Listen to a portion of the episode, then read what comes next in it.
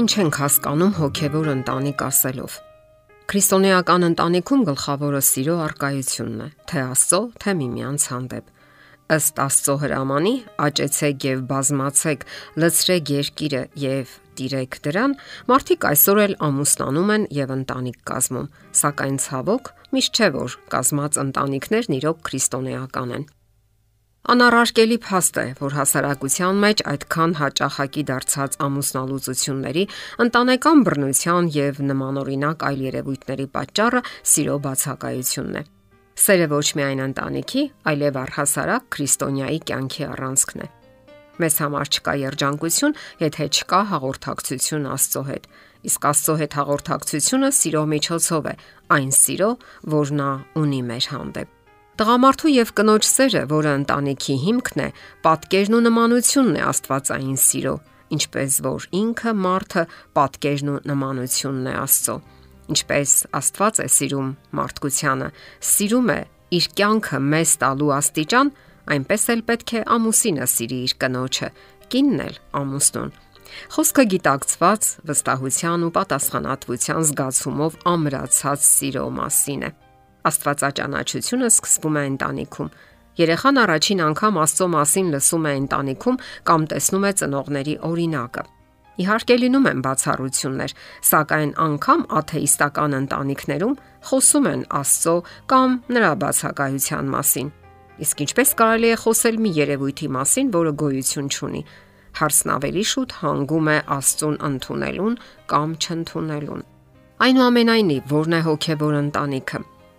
Այնքան էլ շատ տեսակետներ ու տարակարծություններ չկան այս հարցում։ Հոգևոր ընտանիքը այն ընտանիքն է, որտեղ մարդիկ երկրպագում են Աստծուն եւ ձգտում կապ պահպանել նրա հետ, ունենալ ամենօրյա շփում։ Դա այն ընտանիքն է, որտեղ ամեն օր աղոթքներ են հնչում, եւ դա դարձել է նրանց կյանքի անբաժանելի մասը որտեղ ամեն օր ընթերցում են Աստծո խոսքը եւ ձգտում թափանցել դրա գաղտնիքների մեջ եւ ճանաչելով ճշմարտությունը ձգտում են իրենց ամենօրյա կյանքում հետևել դրան, կատարել այն, ինչ գրված է Աստվածաշնչում։ Չէ որ դա միայն ու միայն իրենց օգուտի համար է։ Հոգևոր ընտանիքն ունի շնորհակալության հոգի։ Այդ ընտանիքի անդամներն ունեն գոհության հոգի եւ դա չեն թաքցնում իրենց ամենօրյա կյանքում։ Նման ընտանիքներում մշտապես թակավորում է շնորհակալության ու երախտագիտության հոգին։ Կարող է հակասական թվալ, թե ինչպես կարող է այս դժվար օրերում մեր ընտանիքներում իշխել երախտագիտության ու շնորհակալության հոգին։ Եվ այնուամենայնիվ դա հնարավոր է, եթե գիտակցենք այն բոլոր շնորհներն ու բարիքները, որ Աստված ապարգևում է իր ժողովրդին, ինչպես նաև գիտակցենք մեր կախվածությունն Աստծուց։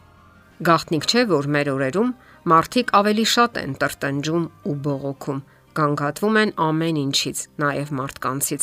Ամեն ինչի մեջ նրանք մեղադրում են բոլորին, բայց ոչ իրենց։ Քրիստոնյա ընտանիքում կա համագործակցություն։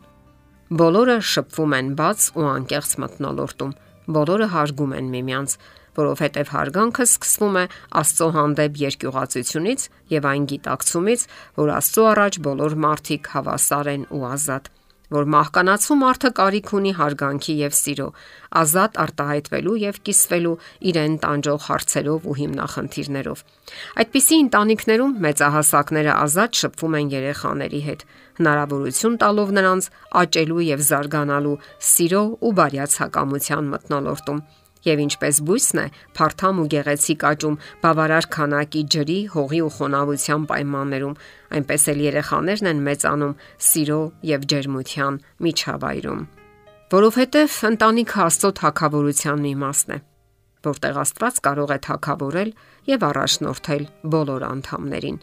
Քրիստոնյա ընտանիքում յուրաքանչյուր օր եւ յուրաքանչյուր ընթրիկ վերածվում է Աստծո հետ յուրատեսակ շփման ու համագործակցության մի հրաշալի միջոցառման, եթե նրանք ընդունում են Քրիստոսի հրավերը։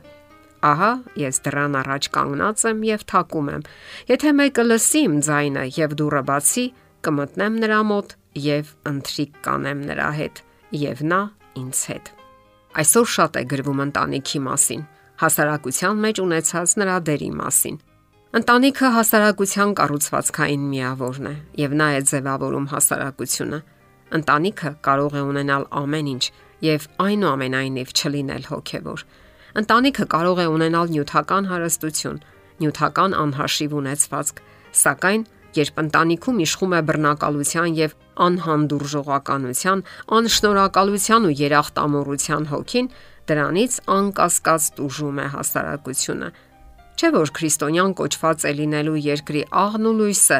ով օրինակ է հանդիսանում շրջապատի համար։ Այդպիսի ընտանիքները պետք է ոգեշնչեն եւ օրինակ ծառայեն մյուսներին, հետևելու իրենց դավանած ու կիրառած արժեքներին։ Քրիստոնյա ընտանիքում լավագույն քարոզը ծնողների օրինակն է։ Երեխաները սովորաբար հետևում են ծնողներին։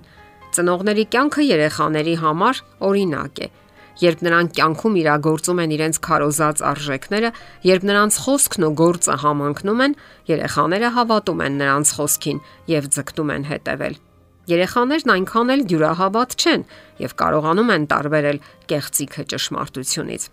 Երեխաների հանդեպ սերը ծնողները պետք է դրսևորեն իրենց կյանքով, ապրած օրերով, նրանց հանդեպ անկեղծ ու հոգատար վերաբերմունքով եւ մի օր կտեսնեն այդ ամենի արդյունքը, թե այս կյանքում, թե հավերժական կյանքում, երբ տեսնեն իրենց երեխաներին փրկվածների շարքում։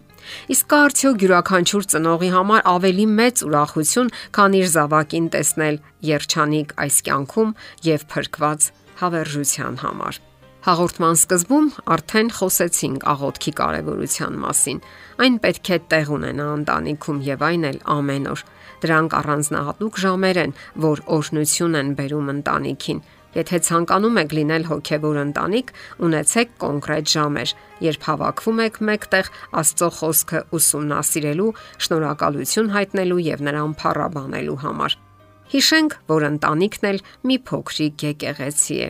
Աստվածաշնչում կարդում ենք. եթե ձեզանից երկու հոգի մեկ բանի համար երկրի վրա միաբանվեն, ինչ որ խնդրեն, կլինի նրանց իմ հորից, որ երկնքում է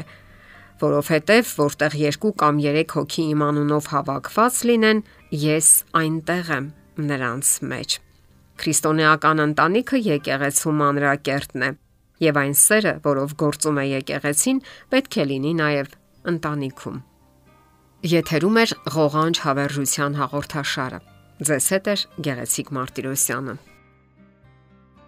Հարցերի եւ առաջարկությունների համար զանգահարել 033 87 87 87 հեռախոսահամարով։